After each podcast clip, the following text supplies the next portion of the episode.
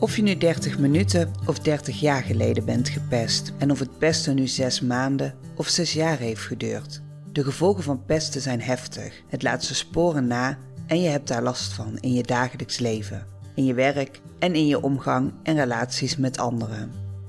Dit is de podcast Krachtiger naar pesten, waarin je inzichten, tips en de verhalen van mij en anderen hoort, zodat jij je minder eenzaam voelt en die je helpen krachtiger te zijn na pesten. Ik ben Wendy Rijnmakers, vroeger gepest. En ik wil eraan bijdragen dat iedereen die gepest wordt of gepest is, gaat inzien hoe mooi zij zijn en dat zij weer in zichzelf gaan geloven. Hallo allemaal, welkom bij een nieuwe aflevering van Krachtiger na pesten. Ook deze keer weer iemand die uh, haar verhaal over pesten wil doen in deze podcast. En dat is Elisabeth van Heiningen. Welkom Elisabeth. Dankjewel. Super stoer dat jij uh, jouw uh, verhaal wil doen. Zou je even willen beginnen met jezelf voor te stellen? Ja, zeker. Ik woon in Rotterdam. Ik ben 49. Ik woon hier samen met mijn vriend en dochter van bijna zeven. Wat doe je? Ja, ik maak uh, mildheid in woord en beeld. Zo beschrijf ik het altijd. Oh, en ik woon redelijk dicht bij uh, Rotterdam Airport, zoals je misschien hoort. Dus er komt af en toe wat geluid over. Wat is de reden dat jij besloten hebt jouw verhaal te doen? Ik was, toen, jij dat, uh, toen wij daarover te praat kwamen, was ik echt meteen een soort enthousiast van ja, dat wil ik. En ik besefte pas de afgelopen dagen dat het toch ook nog steeds spanning met zich meebrengt. En eigenlijk juist daarom vind ik het wel heel belangrijk om te doen. Omdat ik, weet je, er zit aan de ene kant een soort iets in van dat je, dat je aan de wereld wil laten weten van voorkom pesten zoveel mogelijk, want dit is wat, wat het voor gevolg heeft. Dus echt wel een soort missie van wees aardiger tegen elkaar als kinderen. En ik zal daar straks ook nog wel wat over zeggen, want ik merkte in het, in het voorbereiden en het erover nadenken de afgelopen dagen dat ik ja, echt wel ook daar een, een, een visie op heb, zeg maar. Maar dat vind ik dus heel spannend om te uiten. En juist daarom, dus deels voor mensen, ik denk ook een stuk herkenning. Want je denkt altijd als je gepest bent dat het A aan jou ligt of B dat je er zelf maar overheen moet stappen. In ieder geval, zo heb ik dat heel lang gedacht. Ja, dus een stukje herkenning voor mensen en voor mezelf ook omdat er nog steeds een laag schaamte overheen zit. Waarvan ik denk, ja, de enige manier om dat daarmee verder te kunnen is door het ook te voelen. En te voelen van, hé, hey, maar nu ben ik volwassen en nu kan ik dit handelen. Mooi, want dat is inderdaad ook wel de reden waarom ik hem ook, ook start. En, en ik hoor het inderdaad van veel mensen tot nu toe van ja, weet je, het is ook gewoon nog steeds spannend om er ja, zo in de openbaarheid heel erg over uh, te praten. Maar dat we het daarom juist ook allemaal belangrijk uh, vinden om het toch gewoon te doen. Ik hoop dat ook inderdaad, dat we dat stukje herkenning, erkenning, maar en ja, dat sluit natuurlijk ook heel erg aan op wat jij doet. Een stukje mildheid ook hè, naar jezelf vooral, omdat we ook wel allemaal geneigd zijn om te denken dat het aan ons ligt. En inderdaad, wat je zegt, ja, er overheen moeten stappen, dat herken ik ook heel erg van ja stel je niet zo aan. Maar mm. ja, dat is niet aanstellen. Het is gewoon, het is pittig wat er gebeurt als je gepest wordt. En ja, de gevolgen uh, daarvan hoeven ook niet onderschat te worden, uh, lijkt me. Maar leuk om daar straks, of interessant om daar straks mm. nog even over verder uh, te gaan. want wat is jouw verhaal met pesten? Wanneer ben je gepest? welke periode? Het grappige is dat als ik dat ga vertellen, ga ik ook ogenblikkelijk dingen erbij zeggen. Merkte ik aan mezelf bij het voorbereiden voor, voor, dit gesprek, die het een soort willen verklaren. En dat vind ik dan zo grappig, zodat je meteen een soort oorzaak zoekt van ja, ik was, het, het is begonnen toen ik puntje puntje deed. Of, dus ik ga dat wel vertellen, maar ik vind, er ook, ik vind dat tegelijkertijd ook een soort spannend, omdat ik denk ja, maar dat, dat moet niet goed praten dat het gebeurd is of zo. Snap je? En dan klinkt het heel zwaar en zo. Oh, dat. Nou goed, dat. Nee, ik ben. Uh, de periode dat ik gepest ben, is met name voor mijn beleving en herinnering in de vijfde van de lagere school. Wat toen, ik ben 49, groep, uh, niet groep 5 was, maar wat nu groep 7 is, zeg maar in de vijfde klas. En ik denk dat het in de vierde al wel wat begonnen is. Ik was een kind met heel veel spontaniteit. Ik verbond heel graag met anderen. Ik voel veel, ik zie veel. Maar ik was ook niet zo'n. Ik was niet zo bij de hand. En weet je, dan komt meteen zo van ja, ik had niet genoeg weerwoord bij kleine pesterijtjes of Nee. nou dat. En ik was jong, ik ben een vroege leerling en ik heb een klas overgeslagen. De tweede van de lagere school. Dus ik was Ja. in de vijfde was ik negen en in de zesde was ik tien.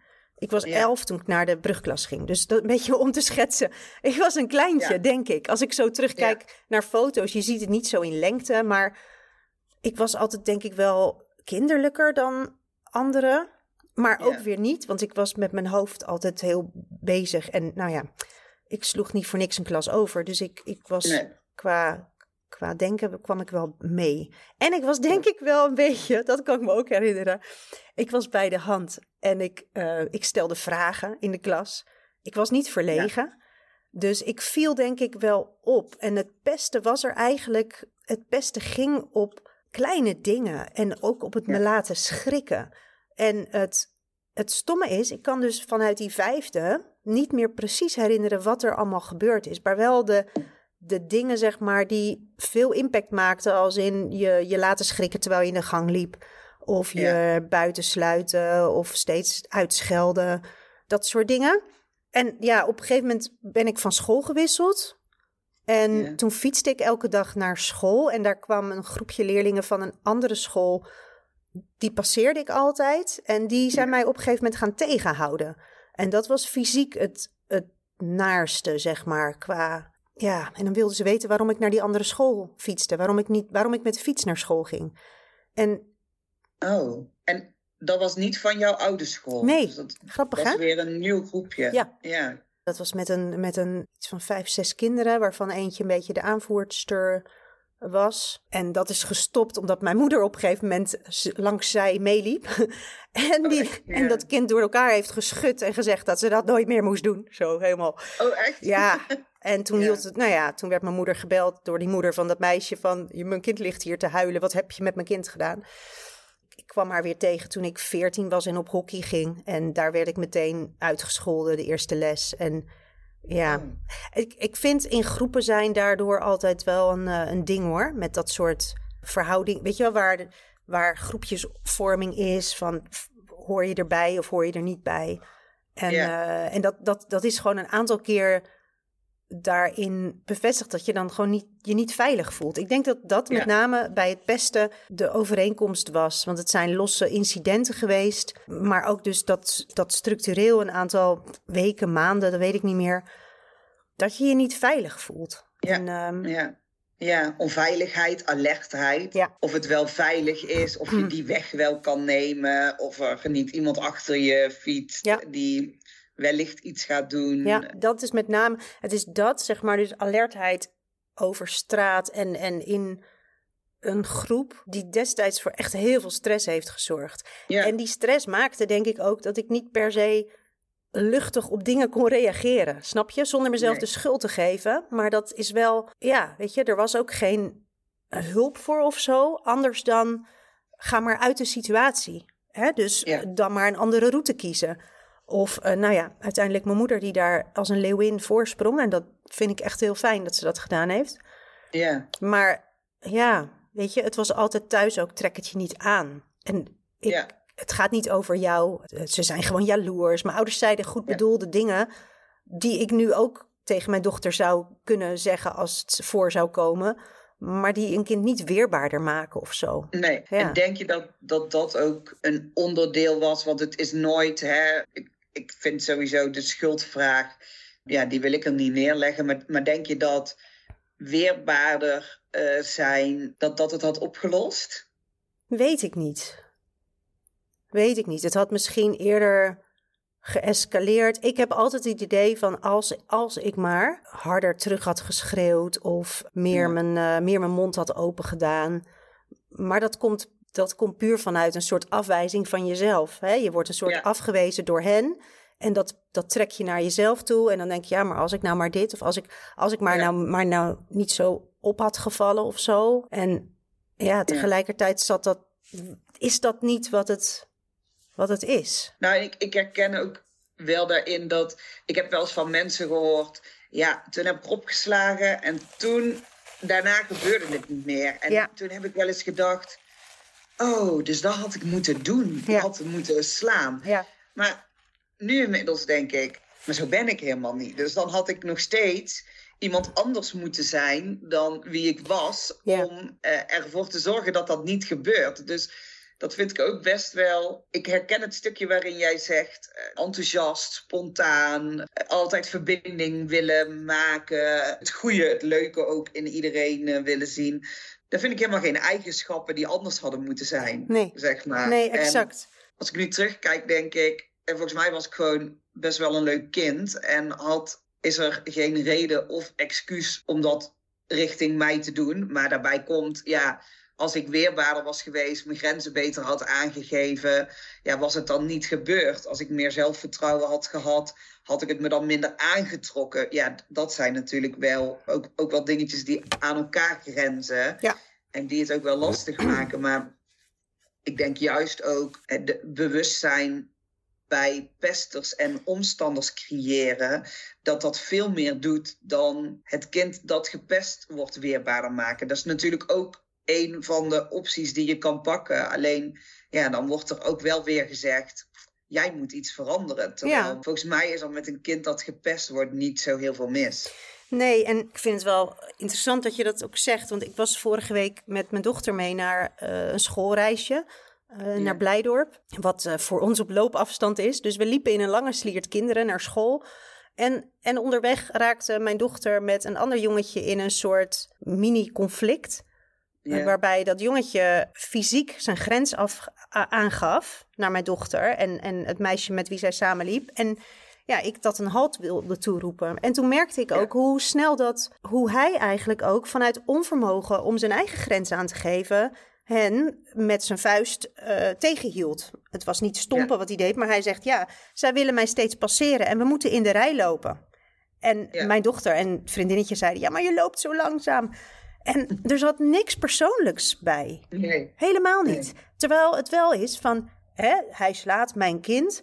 Zij probeert door hem heen te duwen. Is allebei niet goed. De- en ik ging vanuit mijn eigen onvermogen, riep ik uit, want het was half tien 's ochtends. Zeg, ze zaten ook bij elkaar in het groepje. Ik zeg, jongens, meiden, we moeten nog een hele dag met elkaar. Hou het een beetje gezellig. En ik voelde me echt zo'n zo'n slechte leraar. Weet je wel, zo'n soort, ik weet het ook anders niet. Eh, moeder slash begeleider van groepje. En, ehm, maar het was heel leuk hoor, de hele dag. En ik heb later ook met dat jongetje, maar ook met andere kinderen gepraat, waarvan ik zie dat ze. Want het gaat uiteindelijk steeds over dat je grenzen overgaat van een ander kind als Ja. pester. En het wordt zo'n soort de pester, maar iemand die pest is ook een kind wat uit onvermogen iets doet. Of uit Ja. behoefte om erbij te horen of om gezien te worden. En dat merkte ik bij deze kinderen ook, weet je. Als ze dus elkaar ze lelijk deden, dan wilden ze eigenlijk zelf een soort iets zeggen wat ze niet op een andere manier konden zeggen. Of ze wilden graag erbij horen, of ze wilden zelf graag aardig gevonden worden door weer Ja. andere kinderen. En het zit zo ingewikkeld in elkaar, vind ik daarmee. Als je daarboven staat, hangt, kijkt, dan ja, vind ik het aan ouders en, en leerkrachten om een dermate veilige sfeer te scheppen voor je kind, dat het dat niet nodig heeft of dat het op een andere manier kan aangeven of dat als het dat wel doet of, of meemaakt, het gepest zijn, dat het in woorden kan uitdrukken wat dat met hem of haar doet. En Ja. ik geloof wel dat er op steeds meer scholen ook aandacht voor is, maar ik denk Ja. ook dat, ja, zoals het initiatief wat jij ook hebt en om daar op scholen over te praten en dat mensen bij jou in een podcast hun verhaal doen, dat dat misschien nu nog nodig is. Maar dat ik, weet je, in mijn ideale wereld kunnen mensen elkaar horen en zien. En als ook kinderen tegen elkaar zeggen: hé, hey, ik vind dit niet leuk, ik word hier heel verdrietig van. Dat een, of dat een volwassene dan daartussen zit en vraagt: hé, hey, maar wat, is, wat gebeurt er hier? En wat heb Ja. jij nodig? Ook aan degene die pest. Wat, heb, wat, is, wat, wat gebeurt hier? En Ja. niet alleen maar van, nee, dat mag niet, hou ermee op. En, want dat gebeurde bij mij op school ook. In die vijfde klas. Er werd continu ja, vanuit een... Want er waren meer kinderen die gepest werden. Ja. Eh, en ik weet nog dat ik van school veranderde. En dat een vriendinnetje van mij echt eh, nou, bijna huilend zei... Ik heb het ook gevraagd aan mijn moeder, maar ik mag niet. Het was een Oh. onveilige sfeer in die klas. Ja. En die lerares die daar toen stond, die was alleen maar bezig met handhaven, denk ik. Of het onder de tafel houden, of het, het, het zoveel mogelijk klein maken ervan. En, en ach joh, trek het je niet aan. En mijn ouders hadden op een gegeven moment door dat als ik, als die lerares, die later ook uitgevallen is, als zij werd vervangen omdat ze ziek thuis was door de conrector, heette dat geloof ik, of het hoofd van de school, ik weet niet wat het was. Maar in ieder geval een ander, dat op dat moment ik wel blij thuis kwam. Want eigenlijk, ja, ja. Ik zei er verder thuis niet zoveel over. Want het voelde ook een beetje als niet erg genoeg. Ja. Grappig, hè? Ja. Terwijl het super Ja. onveilig voelde. En ik elke keer, mijn copingstrategie was destijds gewoon gaan huilen. En dan was het duidelijk en dan hielden ze op. Maar dan had ik wel een soort, haha, ze huilt weer. Dat bereikt. En bij dat tegenhouden fysiek was het duidelijker dat je daarin een grens. En bij het andere was het misschien nog een soort, ja, maar we plagen alleen maar. Weet je, werd het een soort onder die noemer geschoven. En later in de brugklas vond ik het, ik had daar wel vrienden, maar de pester van mijn vijfde klas zat weer bij mij in de brugklas. Oh, ja, een paar ja. maanden. Zoals ook die, dat meisje van hockey weer, eh, of dat meisje van, van op het fietspad tegenhouden, weer ineens op hockey opdook.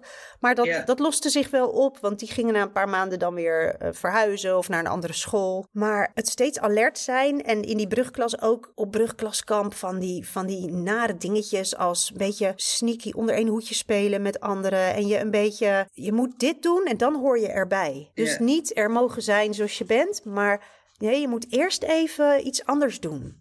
En dat ja, is eigenlijk... jezelf bewijzen of zo. Ja, ja, Ja. en dat, dat was dan van, eh, ja, die, die wil verkering met jou en eh, wil je dat ook? Een beetje van die, en ik was daar helemaal niet mee bezig. Misschien ook omdat ik Nee. elf was, net in de brugklas. ik zie dat zo voor me, weet je. Als ik nu kinderen van elf zie, denk ik, oh ja, dan zat ik dus op de middelbare school. Ja, ik was ook echt jong daarin, maar ik kon niet dan aangeven van, eh, joh, ga weg en ik ga mijn eigen ding doen. Dus ik wilde, ik wilde er ook bij horen. Dus Ja. dan Ja. ja, was het een soort. eh, ik heb verkering gehad. Mijn eerste verkering, daar heb ik nooit een woord mee gewisseld. Grappig, hè? Oh. Nee, want we hadden verkering op brugklaskamp. En na twee dagen dacht ik, nou, dit vind ik echt heel raar. Dus toen zei ik, het is uit. Oh. En ga nu van dit bed. Ik geloof dat we met, bij die, in die slaapzalen hadden we een soort honken, weet je wel, op die stapelbedden. Ja. En dan ging een beetje hangen zo. En dan zei ik, en ga nu van mijn bed af. Nou, dat was het enige wat ik ooit tegen hem gezegd heb. Het klinkt, als ik het zo terug zeg, terug hoor, heel gek. Alsof ik, ik weet niet wat had gedaan op brugklaskamp, maar ze, ze, hij zat op mijn bed. Ja. Dus Ja. dat was mijn grens. Maar nou, echt. En, en ik, ja, het, dat een beetje erbij horen, wel niet. Dat vind ik, dat, ja, dat vind ik nog steeds lastig. Hoe was de middelbare schoolperiode? Nou, wel beter voor, ja, beter.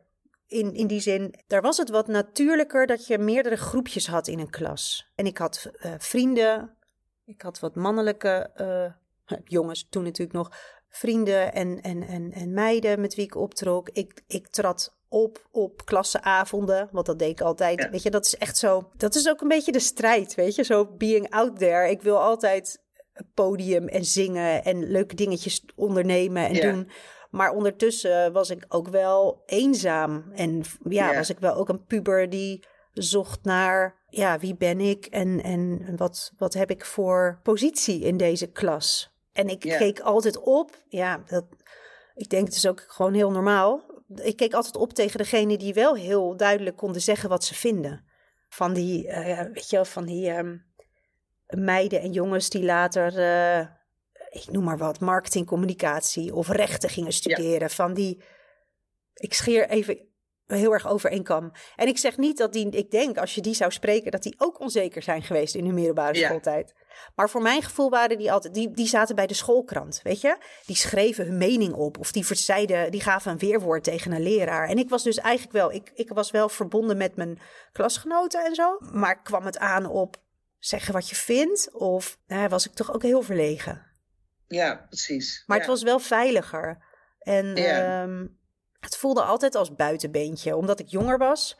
Ik had Ja. op een gegeven moment een corset voor mijn rug, want ik heb een scheve rug.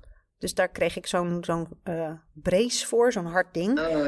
En dat was natuurlijk gek, want ja, Dat zag je, dat zag je een beetje door kleding heen, omdat ik droeg altijd wijde kleren. Maar ook dat, hè? Dus een soort je gaan verstoppen. Dat gewoon jezelf met dat ding dan niet, niet in het plaatje past of zo. Ja, ik paste ook niet in het plaatje. En dan ging ik met dat ding op hockey. En dan was dat team was echt zo ongezellig dat ze mij niet hielpen om dat uit en aan te trekken. Of om mijn kleding. Ik was oh. keeper. Dus dan bij, bij hockey heb ik echt wel dat outcast gevoel gehad hoor. Ja. En uh, dan, dan moest ik de mensen van het andere team vragen om mij te helpen. Met mijn, uh, ik weet niet meer, oh. eens meer hoe die dingen heten, die beschermers uitdoen en zo. Ja. Dus vooral hockey en de basisschool daarin is eigenlijk ja, het, het meeste gebeurt. Ja. Maar dat, dat voelde je wel ook nog op de middelbare school in de, in de klas. Ja. Het alert zijn, het voorzichtig zijn. Kijken naar mensen die wel hun mening of hun grenzen kunnen aangeven. Ja, en dat... je toch een beetje de buitenstaander blijven voelen. Want je zei net, ik paste niet in het plaatje. Maar wat is dan het plaatje? Ja, grappig hè? Ja, ja. daar zat ik ook over na te denken. Want er is geen gemiddeld kind. Ja, het plaatje is misschien wat je destijds in de, in de tijdschriften las. Hè? Qua uiterlijk of qua. Ik bedoel, er is geen gemiddeld. Nee, nee ik zit er ook, ik zit er ook over te denken van. Ja, grappig, want ik herken dat gevoel hè, van toch een beetje anders zijn of er niet bij horen. Hè? Nou ja, het beste. Maar ook dat ik dan denk, maar wat is dan ik kan ook niet zeggen het populaire groepje. Die waren allemaal 1 meter 50 en hadden allemaal donker haar. En weet je, dus zo is het ook niet, hè? Nee. Nee, en het grappige is, ik kan mezelf voorstellen, als ik foto's van mezelf terugzie van de middelbare school, dan zie ik gewoon een leuk kind. En ik kan me ook voorstellen dat anderen mij ook zo ervaren hebben. Ja. En dus dat dat kwetsbare of dat niet leuk genoeg, niet goed genoeg, niet mooi genoeg of niet bij de hand genoeg zijn, dat, dat, dat zit gewoon in je hoofd, in je systeem. Ja, ik had dat eh, pas geleden. Want als ik terugkijk naar school, denk ik, ja, misschien was ik ook wel, wel een beetje, ik werd natuurlijk altijd schaap genoemd, een beetje schaap, een beetje een sulletje, een hmm. beetje verlegen. Ja, misschien kloppen dan hè, die dingen ook wel. En ik vind inmiddels niet meer terecht. En het is niet meer dat ik het allemaal geloof. Maar dat ik wel terugkijk en ja, dat gevoel van je klein voelen of anders voelen, dat zie ik dan wel heel erg. En toen had ik die, dat gevoel komt dan ook heel erg terug. Dus ook als ik terugkijk, dan dat, dat anders voelen niet in het plaatje passen. Dat, dat herken ik wel. En nou had ik pas geleden die, die lezing op die, hè, die, die, die gastles op die basisschool gegeven.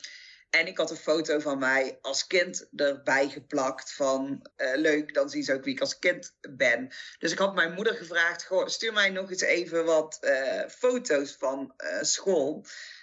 En zij stuurt een foto en ik kijk daarna en ik dacht, ja, maar met jou is echt helemaal nee. niks mis, weet je wel. Dus, en, en het grappige was dat ook, ik liet hem ook aan mijn vriend zien. Zo van, oh kijk, dit was ik, was een basisschoolfoto. En hij zegt, sowieso vindt hij niet dat er iets mis is met mij, hè? maar hij zei wel, oh, je bent echt een heel leuk kind. Waar ja. pesten ze jou dan eigenlijk mee? Dat is het ook, hè? Dat, dat hoor ik bij jou en dat, hm. dat, dat heb ik zelf ook. Bij sommigen is het um, uh, heel duidelijk, hè? Die, die, worden gepest omdat ze slim zijn, of die worden gepest omdat ze rood haar hebben, of omdat ze dik zijn, of omdat ze een bril hebben, of flaporen. Maar ja ja, maar dan nog. Ja, ik word er wel ook boos van hoor, merk ik. Dat het een soort dan wel. En niet dat het dan terecht is, maar dat er dan wel. Dat je dan wel een soort kan. Sorry, ik onderbreek je, maar het zit me een soort hoog. Dat ik denk. Want dan gaan we toch een soort. Ben ik bang. Toen dat je dan naar gaat naar. Ja, maar dan was er wel een duidelijke aanleiding of zo. Terwijl het dan ook nog steeds gewoon super stom is als ja. mensen pesten. Is ook zo. En het ene kind is wat flinker en die hoort erbij. En het andere kind is wat flinker en die wordt gepest. En het ene kind heeft flaporen en die hoort erbij. En het andere kind heeft flaporen. Dus dat vind ik ook. Hè. Maar, maar dat is, denk ik, heb wel eens gedacht, is dat ook wat het voor mij complex maakte om te zeggen ik ben gepest of, of dat in te zien, omdat het niet heel specifiek op één ding gericht was of op één opmerking gericht was. En het was bij de schaap of er werden grapjes ten koste van mij gemaakt. Of inderdaad laten schrikken. Een stuk van mijn haar is ooit afgeknipt. Uh, mijn tas van mijn fiets afschoppen. Uh, me uitlachen. Me buitensluiten. Ja. Maar niet zo dat er. Ik had ook geen speciale bijnaam of zo. Weet je wel. Dus in die dingen. Misschien heeft het dat wel voor mij wat complex gemaakt in het erkennen dat het ook niet heel erg op één ding gericht was. Ja, en ik, ik kan me ook voorstellen dat je dan dus ook meer gaat kijken naar wat deed ik verkeerd.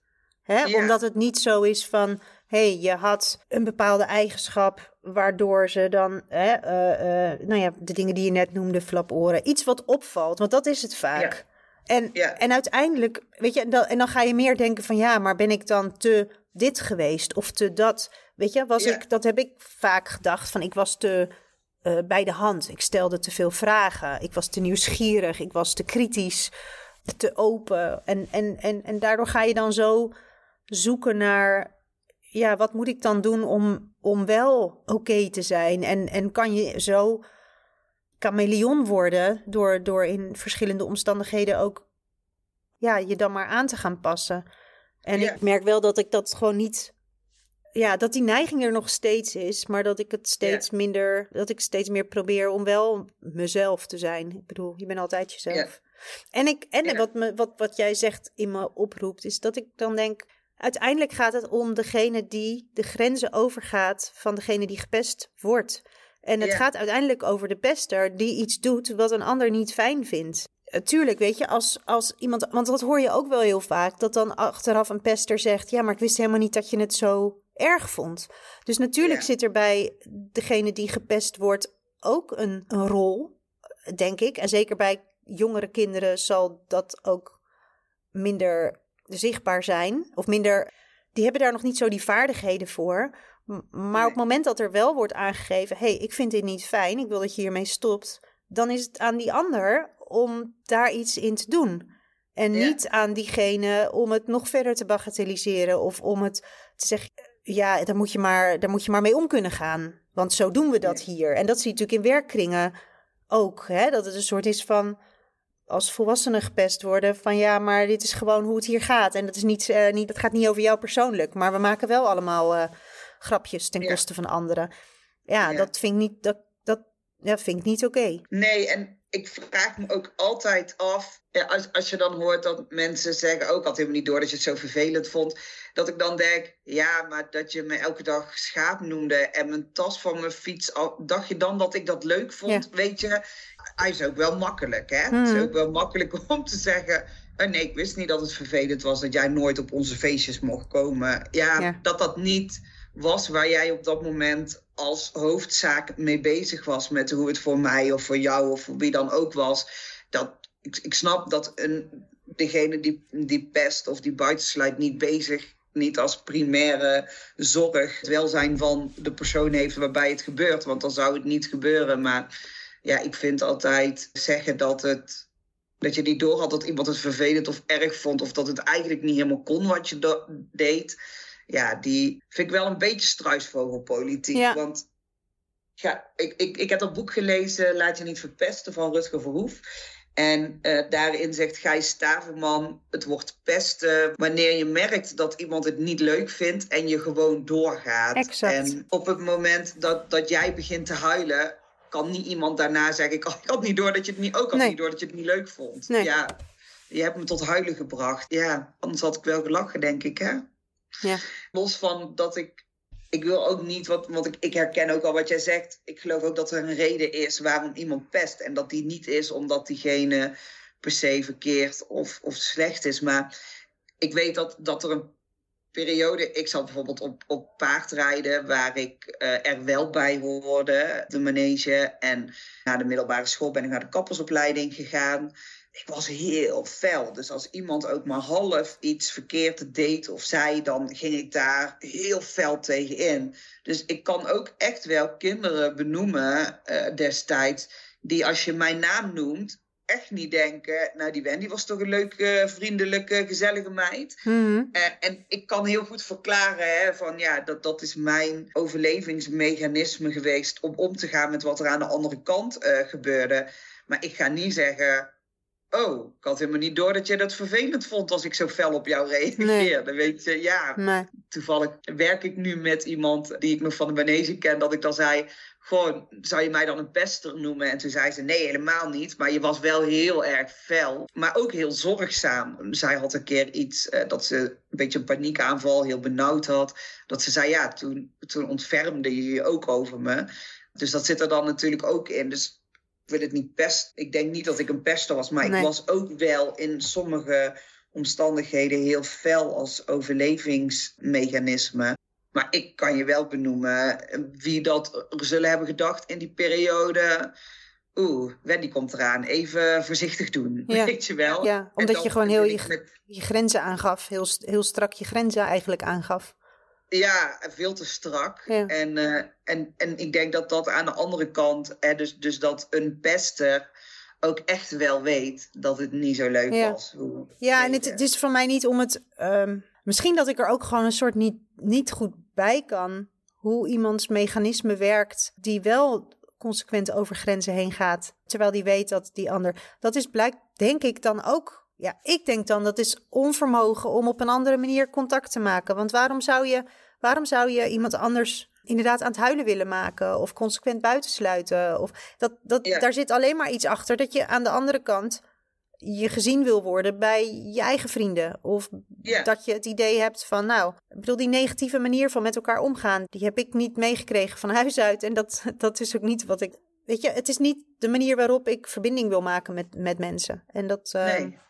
Nou ja, zo. Nee, we hebben best ook wel een beetje al over de, de gevolgen gesproken. Maar wat zijn er nog, nog gevolgen? We, we hebben het stukje alertheid, veiligheid nog steeds een beetje lastig in, in, in groepen. Hè? Toch nog wel soms in die chameleonrol eh willen schieten. Zijn er verder nog gevolgen waarvan jij zegt, ja, die, die vind ik wel heel erg, die heb ik wel heel erg gemerkt eh, naar Mm. aanleiding van het pesten? Alertheid bij groepen jongeren. Als ik die passeer op straat, bijvoorbeeld, dat je het. Maak ik wel contact, maak ik geen contact? Wat, waar doe ik goed aan? Ja, eh, negeren of, of gewoon even hallo zeggen. Dat soort dingen. En Ja. ik vind dat soms lastig om uit te spreken hoor. Omdat het echt voelt als een tekortkoming of zo. Of iets waar je voor moet schamen. Maar dit, dat is gewoon hoe het, hoe het is. Ja. En op het schoolplein. Mijn dochter is nu 6,5. En nou ja, ze gaat nu dus twee jaar naar school. En dat schoolplein in het begin. Dat was echt... Dat gaf zo'n trigger van... Nou ja, sowieso is het heel druk. Een kleuterschoolplein. Maar Ja. ook daar doe ik het goed. Eh, Als er bijvoorbeeld, als je aan het. Ik heb een periode mijn dochter eerder opgehaald. En dan kwamen er allemaal zesjarigen, vijf, zesjarigen aan het hek. Wat kom je doen? ja. Waarom gaat ze met jou mee? En ook daarin gewoon lastig. Wat zeg je wel, wat zeg je niet? Eh, gewoon een soort ehm, stevigheid die ik altijd moet zoeken, die niet vanzelf komt. ja. En het kan door het pesten komen. Ik kan het daarvoor al gemist hebben. Maar het is er niet beter op geworden, laat ik het zo zeggen. Want er komt altijd eerst een angstreactie, een soort schrik.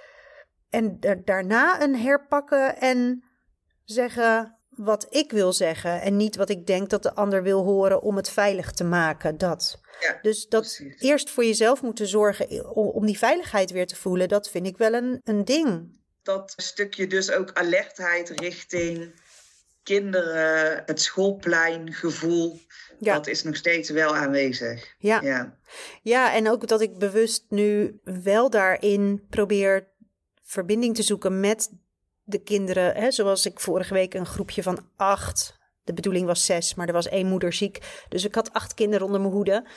De jongste vijf en half en de oudste acht. Mijn, mijn dochter zit op een Jena-planschool, dus ze hebben eh, drie groepen, zeg maar, in één, eh, in één drie, vier, vijf. Dus ehm, dat was best even pittig. Maar Ja. dat je gewoon probeert elk kind te zien als kind. En ook, ook als ze iets doen wat eh, eh, niet mag. Of dat, ze, dat, dat, er, dat er dingen, dat je het kind probeert te zien. Want ik heb het wel met name als kinderen groter worden, dan vind ik het soms lastiger. Dat is gewoon zeg maar hè, wat, wat te maken heeft met de leeftijd, denk ik ook, waarop je zelf gepest bent. Ja. Dus als, er, als ik bij die school bijvoorbeeld aanbel en er doet een groter kind open, wat even zo reageert van wat doe je hier? Of eh, dat ik echt probeer dat, het kind te zien. Maar ook te erkennen dat als ik daar in zo'n hal loop en ik zie aan alle kanten leraren en leerlingen. En dat het dan gewoon ook druk en overprikkelend is. Ik denk ook, ik ben, Ja. hartstikke, ik ben hartstikke gevoelig, maar dat wist ik helemaal niet als kind. Ik denk Nee. ook dat ik gewoon veel meer, dat ik heel erg baat had gehad bij het mezelf leren afsluiten voor de prikkels van anderen. Dat ik daar niks mee Ja. hoefde. Want ik ben Ja. denk ik ook, ik ben zo alert altijd geweest, omdat dat gewoon in mijn aard zit. Dat dat Ja. ook maakte dat ik misschien minder goed kon focussen op wat er echt toe deed op dat moment. En nu met Ja. de zorg voor mijn eigen dochter heb je een soort meer focus. Van oké, ik breng haar en we doen dit en we doen dat. Of als je verantwoordelijk bent voor een groepje van acht, dan dat je dat dan veilig bij de ingang moet zien te krijgen op tijd en zo. En dat je daarin ook gewoon jezelf mag zijn. Ja, precies. Ja, Ook weer die mildheid. ja. Ik was op een gegeven moment, waren er twee achter en die waren zo langzaam dat ze even een ander paadje in waren gelopen. En ik had het na een halve minuut al door hoor, dat ik dacht, hé, hey, we zijn niet compleet. Maar ja, dat kan je jezelf dan heel erg aanrekenen. Of dat, Ja. ze, dat ik ze teleur heb moeten stellen. Dat we op de heenweg zei ik bij een paar dingen, dat doen we op de terugweg, dat doen we op de terugweg. En dan was er geen tijd meer voor. En, en grenzen stellen, dat je gewoon ook echt zegt, nee, dat, dat kan nu niet, punt. Ja, Ja, vind ik spannend. Want ja. Ja. grenzen stellen ook met werk en zo vroeger. Vroeger zeg ik, alsof ik nu niet werk. Maar toen ik in loondienst was, dan, ja, ik ging echt wel, ik liet echt wel over mijn grenzen gaan. Omdat ik Ja. dan bang was niet aardig gevonden te, te worden. ja. Dat vergt gewoon oefening, denk ik. En, en steeds voelen dat je dat spannend vindt. En dan toch doen. Ja. Had jij vrij snel door en na, na de schoolperiode van hé, hey, dat pesten heeft er eigenlijk wel ingehakt? Of heeft dat wat langer geduurd voordat dat sommige dingen je ook duidelijk werden van hé, hey, dit, dit is toch wel terug te herleiden naar het pesten? Ik heb het eigenlijk vaker gezien als gebrek aan vaardigheden of zo. Dus niet eens zo van Ja. dat komt daardoor, maar meer, oh, dit of dit kom je tekort en dat moet je oplossen. Dus niet eens Ja. op, want ja, ik vind het best traumatisch gepest te zijn. Ja. Dat mag je denk ik daar wel onderscharen. En ik heb daar, Ja. daarna een aantal live events meegemaakt. Een, een, een partner gehad die ernstig ziek werd. Twee keer een burn-out. Verlieservaringen. Vaak heb ik het, ging het dan daarover. Snap je? Ja. In, in hulp die ik zocht. Eh, Of bij de studentenpsycholoog. Assertiviteitscursus. Ik noem maar wat. Maar het grappige was, ik weet het nog zo goed. Daar was ik, waren met tien of zo. En of acht misschien. En samen met één jongen had ik totaal geen moeite met praten in de groep. Maar het was eigenlijk Nee. meer een cursus voor verlegen mensen. Die ik overigens later zelf ook nog heb gegeven bij de RIAG. Dus dat is Oh. wel, wel grappig Ja. hoe dat dan zo doorgaat. Maar ik ben niet verlegen. Ik was Nee. alleen heel bang om mijn mening te geven. Maar dat is op dat moment, ja, ik weet niet of dat terugherleid is naar gepest zijn. Ik denk wel dat het benoemd, dat het, dat het aan bod is gekomen. Maar het ging dan altijd vaak over een soort damage control of zo. Een soort van, Ja. oké, dat, dat, die gevolgen, daar gaan we mee aan de slag. Ja. Maar het ervaren en voelen dat het niet oké was wat er destijds gebeurde en daar erkenning voor krijgen. Ik, ik denk dat ik met mijn huidige vriend, we zijn nu twaalf jaar bij elkaar, hij is ook gepest op school.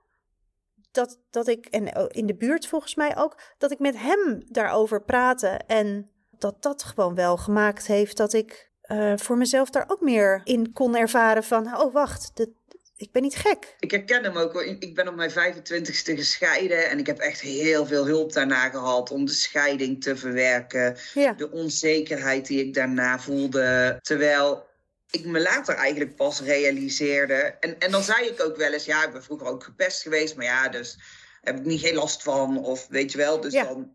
was niet heel het erg. een- Nee, Ja. ik had buitenschool, buiten mijn klas om gewoon ook vriendinnen. Dus ik was nooit alleen. Terwijl het voelde natuurlijk wel alleen. Mhm. Maar hè, dus dat ik dat altijd een beetje minder erg maakte. En, en dat daar ook niet ehm, altijd ook direct een reactie op kwam van degene waar ik op dat moment een gesprek mee had. Van oeh, maar de pesten wil ik nog even bij, eh, bij stilstaan. Of ik kan dat ook goed hebben weggewifed. Hè? Van Ja, hey, ja, is ja. helemaal niet, eh, niks aan de hand. En dat ik op een gegeven moment dacht, hé, maar ik blijf die onzekerheid, grenzen aangeven. bang voor afwijzing. Ik blijf dat houden. En waar, waar, komt dit nu van? Weet je, waar komt dit nu vandaan? En dat, dat heeft mij wel heel erg geholpen om echt te erkennen van hé, hey, dat, dat beste heeft eigenlijk in de basis voor best wel wat problematiek uh, gezorgd. En Mhm. ik eh, vind ook wat jij net zegt, ik, eh, beste is eh, traumatisch. Dat toen, toen ik daar hulp voor ging zoeken, had ik mijn huisarts gebeld voor een verwijsbrief. eh, en ben ik EMDR gaan volgen, gaan Mhm. krijgen. Maar in ieder geval voor EMDR gekozen. En toen stond er op PTSS, Mhm. na pesten. Dus ik leverde die verwijsbrief bij de psycholoog in en ik zei, ja, PTSS, hè, ik ben niet naar een oorlogsgebied geweest. Nee. Maar, dus het is een beetje zwaar, maar ik heb wel een verwijsbrief. En toen zei ze, ja, maar realiseer jij je wel hoe traumatisch pesten is? En ze zei PTSS of een trauma, ja, dat, dat PTSS weet ik even niet, maar een trauma is een, een knik in jouw ontwikkeling. En als je Mhm. gepest wordt, kun jij niet in alle veiligheid en alle rust en alle vrijheid jouzelf ontwikkelen tot de persoon die je bent. Omdat je continu daarop wordt afgewezen. Dus in die zin is het ook gewoon een trauma. Ja. En ik had pas ook een post gedeeld, ik weet niet of je hem gezien had, dat ik eh, zomergasten terug had zitten kijken met eh eh, Raven van Dorst. En dat Ja. Dan over pesten gaat. En zij zegt, ja, ik ben helemaal niet zielig. En Mhm. Janine Abbring zegt, wat is dat nou met kinderen die gepest zijn?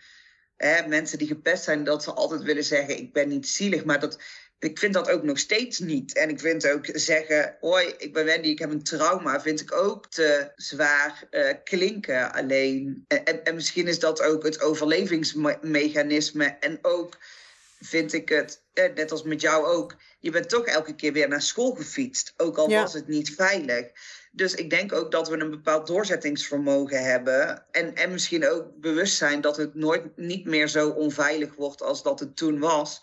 Maar ja, je hebt wel degelijk een trauma. En het is ook wel ja, degelijk onterecht wat er op dat moment gebeurd is. En ik vind het wel heel, dat, dat zie ik ook met iedereen, hè, dat we lekker niet in een slachtofferrol gaan en onze schouders eronder zetten en ermee aan de slag gaan. En ook dus anderen willen helpen door onze verhalen te delen. Maar ik, ik vind ook wel dat mensen mogen inzien van, hé hey, ja, gepest worden is niet zo klein als Nee. dat we het zelf maken. Nee, exact. Dat is inderdaad. En dat je kan het zelf. Hè, en ik heb eigenlijk na verlieservaringen die ik meemaakte in de zwangerschap tien jaar geleden. Toen ben ik eigenlijk meer gaan, gaan voelen dat dat. Want ik, Ja. ik kon dat ook helemaal niet. Ik kon verdriet niet goed voelen. Want ik walste overal overheen. En dat moest wel. Dus ik ben Ja. toen goed, ja, gewoon gaan leren voelen en, en daar meer compassie in hebben naar mezelf. Maar ik kwam er na een tijdje achter van, maar wacht even, het gaat eigenlijk over het mogen, over het jezelf toestaan dat je Ja, gevoelens hebt en dat je iets als naar ervaart, ongeacht wat iemand Ja. anders ervan vindt. En ongeacht wat je eigen eh, zelfkritiek inderdaad ervan vindt. Want ik denk zeker dat we het inderdaad kleiner maken om maar niet weer gek gevonden te worden. Want ja, je bent Ja. nu toch hè, 30, 40, 50, 60. Je bent nu toch volwassen. En je zou toch nu maar eens, je, je, daar moet je nou toch maar klaar mee zijn of zo. Terwijl het vormt je. En dat, ja. Ja. dat, vind ik, dat is precies wat jij zegt. En ik, ik snap jouw pleidooi daarvoor. Het is heel dubbel, want aan de ene kant heb ik dat vuur in me om inderdaad Ja. te pleiten voor die erkenning. En tegelijkertijd doe ik nog steeds hetzelfde. Dus het is ook heel fijn als iemand anders dat dan tegen je zegt. Want dan voel je weer van, oh ja, zie je wel, het is niet niks. En dan komt er ook weer die angst, oh, wat vinden mensen daar dan van? Ja, Ja. en dat is dan maar zo, weet je. Maar het, het, je, je kan het niet. En dat is met, denk ik, alles wat, wat mensen meemaken aan erge dingen. M- Maar, nou goed, we hebben het nu over pesten. Maar dat daar zo, eh, dat we met z'n allen zo gewend zijn om daar maar snel overheen te, te walsen. Ja, ja en, en ik denk juist ook het stukje erkenning en acceptatie ook. Het heeft me ook geholpen om met sommige dingen te denken dat dat heeft te maken met het pesten. En dat vind ik dan maar even iets moeilijker of even iets spannender. En toen ik die gastles ging geven, nou, mijn eerste, eerste groep was groep 5, waar bij mij het pesten was begonnen. Dus ik ging en weer naar een school waar ik al die jaren eh, niet meer geweest ben, naar een basisschool. En ik ehm, ging voor de klas staan waar het bij mij begonnen was. Ja, En toen dacht ik, ja, maar je mag dit ook spannend vinden. Ja, precies. Ja. Het is ook niet gek dat dit iets naar boven haalt. En je mag dat ook gewoon benoemen. Dus ik heb dat ook gezegd. Ik vind dit hartstikke spannend. Want voor mij is, was school geen een veilige omgeving. En ik ben daar nu toch weer terug. Ja, jullie eigenlijk over iets aan het vertellen. wat uh, een heel belangrijk, maar ook kwetsbaar onderwerp is. Ja. Dus help me een beetje, want ik vind dit ontzettend spannend. En het is ook heel mooi wat er dan in zo'n klas gebeurt. Want dan komt ook het behulpzame van ongeveer elk kind naar boven. Die denken, ja, nee, maar eh, natuurlijk gaan we jou helpen. Weet je? Ja. Dit, uh, ik heb daar ook dat voorbeeld met het papiertje, hè, wat je opfrommelt en weer uit uh, doet. En, en zo is het natuurlijk ook. Hè. Ik, ik, ik help in mijn praktijk mensen die last ervaren van de gevolgen van pesten. Maar ik kan het niet wissen. Nee. En het stukje acceptatie, erkenning, hè, weten, oké, okay, oh, nou, deze situatie doet nu dat met me omdat ik vroeger gepest ben. Maar ik heb nu de tools om daarmee om te gaan. En wat jij net zei, dan creëer je weer je eigen veiligheid. En, en dat is ook wat ik heel graag wil doen met wendingen. Mensen laten zien dat je jezelf, hè, dat je bent zoals je bent, dat dat goed is. En dat het dus gewoon veilig is om jezelf te zijn. En ik denk dat daar veel meer zit dan ja, weg willen poetsen wat er gebeurd is. Want ja, ik, ik denk dat het daar te impactvol is. Dat, dat, niet, dat het nooit 100% weg is. Maar dat Nee. je wel weer regie kan pakken over eh, jouw leven. eh, waardoor de gevolgen niet meer zo'n ontzettende impact eh, op je hebben. Ja, maar dat kan, weet je, dat is ook zo'n, ik wou zeggen utopie, maar het is niet eens iets om naar te streven. Dat je iets echt uit zou kunnen poetsen of de effecten Nee. van. Want alles wat je meemaakt in je leven vormt je. En ik, ik, Ja. ik, ik geloof er ook nog in dat het niet voor niks is. Ook al is het gewoon hartstikke naar en ruk dat, dat, dat we allemaal nare dingen meemaken in ons leven. Maar Ja. het is denk ik juist de bedoeling dat we dingen, nou ja, dat de dingen ons maken tot wie we nu zijn. En dat daar Ja. niks van, want anders gaan we weer eh, aan die, ik, ik gruwel altijd van beste versie, dat weet je denk ik wel van mij.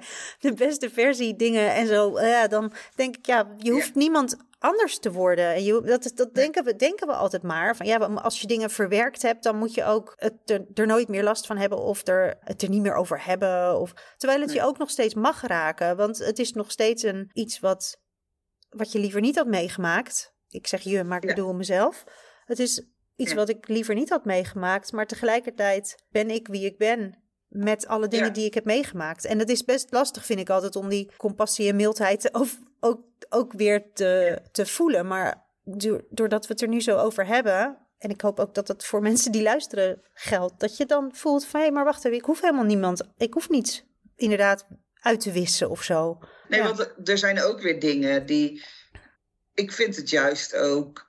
Nou, als, we op, als ik op een feestje ben en iemand staat alleen, dan valt mij dat ook altijd op. Eh, maak ik eh, een praatje of. Dat zijn ook weer dingen die, die bepaalde alertheid of, of signalen pak ik misschien ook iets harder op. Of iets eerder op dan een ander. Wat ik ook een hele mooie eigenschap vind. En wat je ook zegt over de beste versie van jezelf. Ja, die ben je altijd. Want Ja. je handelt op het moment dat je handelt met de kennis en de tools die je op dat moment hebt. Dus Precies. je bent Ja, altijd de beste versie van jezelf. En als wij nu hadden geweten wat we als kind hadden geweten, hadden we misschien als kind dingen anders gedaan. Maar ja, dat kun je niet verwachten van een eh 8, 9, 10-jarige. Weet Nee. je wel, die, die wijsheid, die kennis heb je helemaal nog niet. Nee. nee. En Nee. dat is juist het stomme dat je daar, of het stomme, dat is het, het lastige ook. Dat we het enige wat je kan doen is het meegeven aan de kinderen en grote mensen in je leven die het kunnen gebruiken, zeg maar. Ja, Ja. Maar je, ja, je was wie je toen was. ja, ja, ja, bewustzijn. Ja, Hè, dat, is, dat is denk ik daar heel belangrijk in. Hey, en ehm, mildheid, hè? dat is Mhm. wel ook een beetje een thema natuurlijk Ja. in eh, deze podcast. Wat doe jij precies? Want jij je gaf natuurlijk wel aan, ik, ik breng mildheid. Hè? Wat houdt dat in? nou, dat is zo. eh, Ik, ik was ehm, tot ehm, tien jaar geleden werkte ik als psycholoog. En eh, ben daar toen mee gestopt, omdat mijn aandacht meer naar mezelf ging en naar onze kinderwens. En daarna ben ik ja, gaan werken. Ik merk gewoon dat, er, dat ik zelf heel graag dingen maak. Ik schrijf graag, ik verbeeld dingen met verf. En ik merk dat het thema rondom mildheid en om mogen zijn wie je bent. Ik ben op een gegeven moment, een jaar of drie geleden, heel erg gaan experimenteren met vormen laten ontstaan. ik ben, we hebben het, het woord perfectionisme hebben we helemaal niet genoemd in deze podcast. Maar dat is ook wel iets wat, wat ik erg heb ontwikkeld. Ja, mede denk ik door het beste. Om alles maar zo goed mogelijk te doen. Want dan heb je hè, schijncontrole. Als ik nou maar goede cijfers haal. Als ik alles doe volgens hoe anderen het verwachten. Maar goed, daar ben ik een paar jaar geleden dat een beetje gaan uitdagen via beeld. Ook door eigen uh, creatieve therapie die ik toen volgde. Ik had een training gedaan om het te kunnen geven. En ik merkte in die training oh, wacht even, er zit nog heel veel waar ik, waar ik zelf gewoon heel erg last van heb. Met name dus op, op het gebied van perfectionisme en, en mildheid. Dus ik ben dat in beeld ook meer gaan verkennen. Eerst in die therapie en later voor mezelf. Omdat ik gewoon daarvan merkte dat het me ontzettend veel rust gaf. Om gewoon met water, ecoline erin en fotopapier en dan afdrukken maken. Gewoon met, met inkt in water patronen zien ontstaan. En dat is op dit moment doe ik dat heel veel met, met vloeibare acrylverf. En ik schrijf dan ook teksten en ben een podcast gestart. En ik, ik wil eigenlijk steeds meer tekst en beeld combineren. En concreet maak ik op dit moment nou ja, kleine schilderijtjes en sieraden en magneten van die verf. Als een soort reminders aan mildheid. En dat voelt heel fijn. Ik, word daar, ik word daar gewoon heel blij van. En, en mijn kritisch hoofd vindt het nog steeds heel gek. Van je was toch, je was toch psycholoog en je, je hebt toch. Ja, ik weet niet. Het zegt van alles. Maar dit is waar ik blij van word. Dus ik, ik, ik, vanuit die mildheid, ik probeer dat nog steeds te blijven onderzoeken. Van wat is nou waar ik het meest mezelf in kan, ja, ook mezelf in kan voelen. En dat is dit. En, en ja, daar probeer ik ook anderen een beetje in mee te nemen, zeg maar. Ja, Mooi. Je zegt ook, hè, jij bent ook een podcast uh, gestart. Ik zet sowieso bij de uh, tekst, bij de podcast ook even wat links. Hè, dus de link naar jouw podcast, maar oh, ook naar jouw site. En hè, dat, dat mensen jou ook kunnen volgen, jou kunnen uh, vinden. Dus die informatie zorg ik ervoor dat allemaal bij deze podcast ook te vinden is. We gaan een beetje naar het afronden. Al kan ik nog uh, uren met jou doorkletsen. En gaan wij dat buiten deze podcast om waarschijnlijk ook gewoon doen. Gaat best goed, hè? Uh, ja. Wat zou jij nog voor advies of tip mee willen geven over het thema pesten aan degenen die luisteren? Kijk of je ergens zachtheid kan vinden naar jezelf. En dat alles wat je voelt er mag zijn. Ook boosheid naar dat het gebeurd is, ook verdriet erover. En dat het voelen, al dan niet met hulp van buitenaf. En ook je gedachten daarin, die, die misschien. Ik ga zo een korte samenvatting geven. Die zit namelijk nu in mijn hoofd. Dat ook gedachten die je daarin hebt, die het weer willen uh, zacht uh, wegpoetsen of kleiner maken. Dat je dat gewoon mag opmerken, dat ook die er mogen zijn. En dat de mildheid, de zachtheid naar jezelf, dat die niet komt door het uit te wissen. En natuurlijk hebben we dat verlangen, maar dat kan niet, want je hebt de dingen meegemaakt. Maar dat je de zachtheid vindt door te, te laten zijn en door dan van daaruit te zeggen: Oké, en wie ben ik nu en wat wil ik nu? En dan eventueel hulp te zoeken of daarvoor al, omdat dat het een proces is en niet een, ja. een ik wist een stukje uit mijn geheugen actie of zo. Ja, ja. Precies, nou dat. Ja. Ja, dus ook wel weer dat stukje, het, het, mag, het mag er allemaal zijn, die ja. mildheid. Ja. ja, ik denk dat dat ook gewoon belangrijk is. En uh, dan kun je namelijk van daaruit weer zien wat je allemaal doet en bereikt hebt en wie je nu bent en hoe prachtig je bent. Maar dat als in dat ik ben nu prachtig, als een soort mantra, steeds die andere stem tegen je zit te te, te tetteren van ja, maar weet je nog toen en uh, dan wordt, blijft het zo'n strijd in jezelf. En, en die, nou ja, ik heb die ook nog steeds wel. Maar als je hem herkent, dan kan je er ook weer sneller uitstappen en weer gewoon in het nu zijn, zeg maar, daarmee. Mooi. Zijn er nog dingen die we niet hebben benoemd, niet hebben besproken tijdens deze podcast waarvan je zegt, die wil ik nog even aan bod laten komen? Hmm. Grappig hè, mijn neiging is om meteen te zeggen nee hoor, nee hoor. Um, nee, ik denk wel de, de openheid erover. en ehm, de schaamte eraf. Nou ja, de schaamte mag je voelen, maar wel dat de openheid gewoon belangrijk is. Ja. Juist ook Ja. om te mogen zijn wie je bent, toen en nu. Ja, En dank je wel voor de uitnodiging, want ik vind het heel fijn dat ik eh, hier met jou zo over heb kunnen praten. Ja, Ja, graag gedaan. Jij bedankt dat je je verhaal wilde doen. Want ik vond het echt een eh, heel fijn en heel waardevol gesprek. En eh, ja, ik hoop dat we daar ook eh, mensen mee kunnen helpen. Maar nee, super bedankt voor jouw openheid over jouw eigen verhaal. Maar ja, ook jouw visie en jouw tips richting anderen. Dan ga ik hem nu afronden. Doen en we. dan zorg ik er in ieder geval voor dat informatie, hoe jij te volgen en te vinden bent, bij de tekst van de podcast komt te staan. eh, zodat de luisteraars ook jou weten te vinden, mocht jij iets voor hun kunnen betekenen. Super bedankt voor jouw, eh, jouw openheid, voor dit gesprek. En nou ja, voor jou en de luisteraars een eh, hele fijne dag nog en tot de volgende keer. Ik hoop dat deze aflevering jou verder helpt. Dat het je meer inzicht geeft in wat je pestverleden met je doet en hoe je daar zelf iets mee kan. Ben je er klaar voor om de volgende stap te zetten? Om los te komen van jouw overlevingsmechanisme dat is ingegeven door het pesten en dat zoveel facetten in je leven beïnvloedt? Stuur me dan een mailtje op info@wendyrijmakers.nl. Wil je liever eerst wat meer lezen over wat je kan bereiken en over mij? Dat kan op www.wendyrijmakers.nl. Dankjewel voor het luisteren en tot de volgende keer. En vergeet niet, ook jij mag er zijn. Jouw aanwezigheid maakt de wereld een stuk mooier.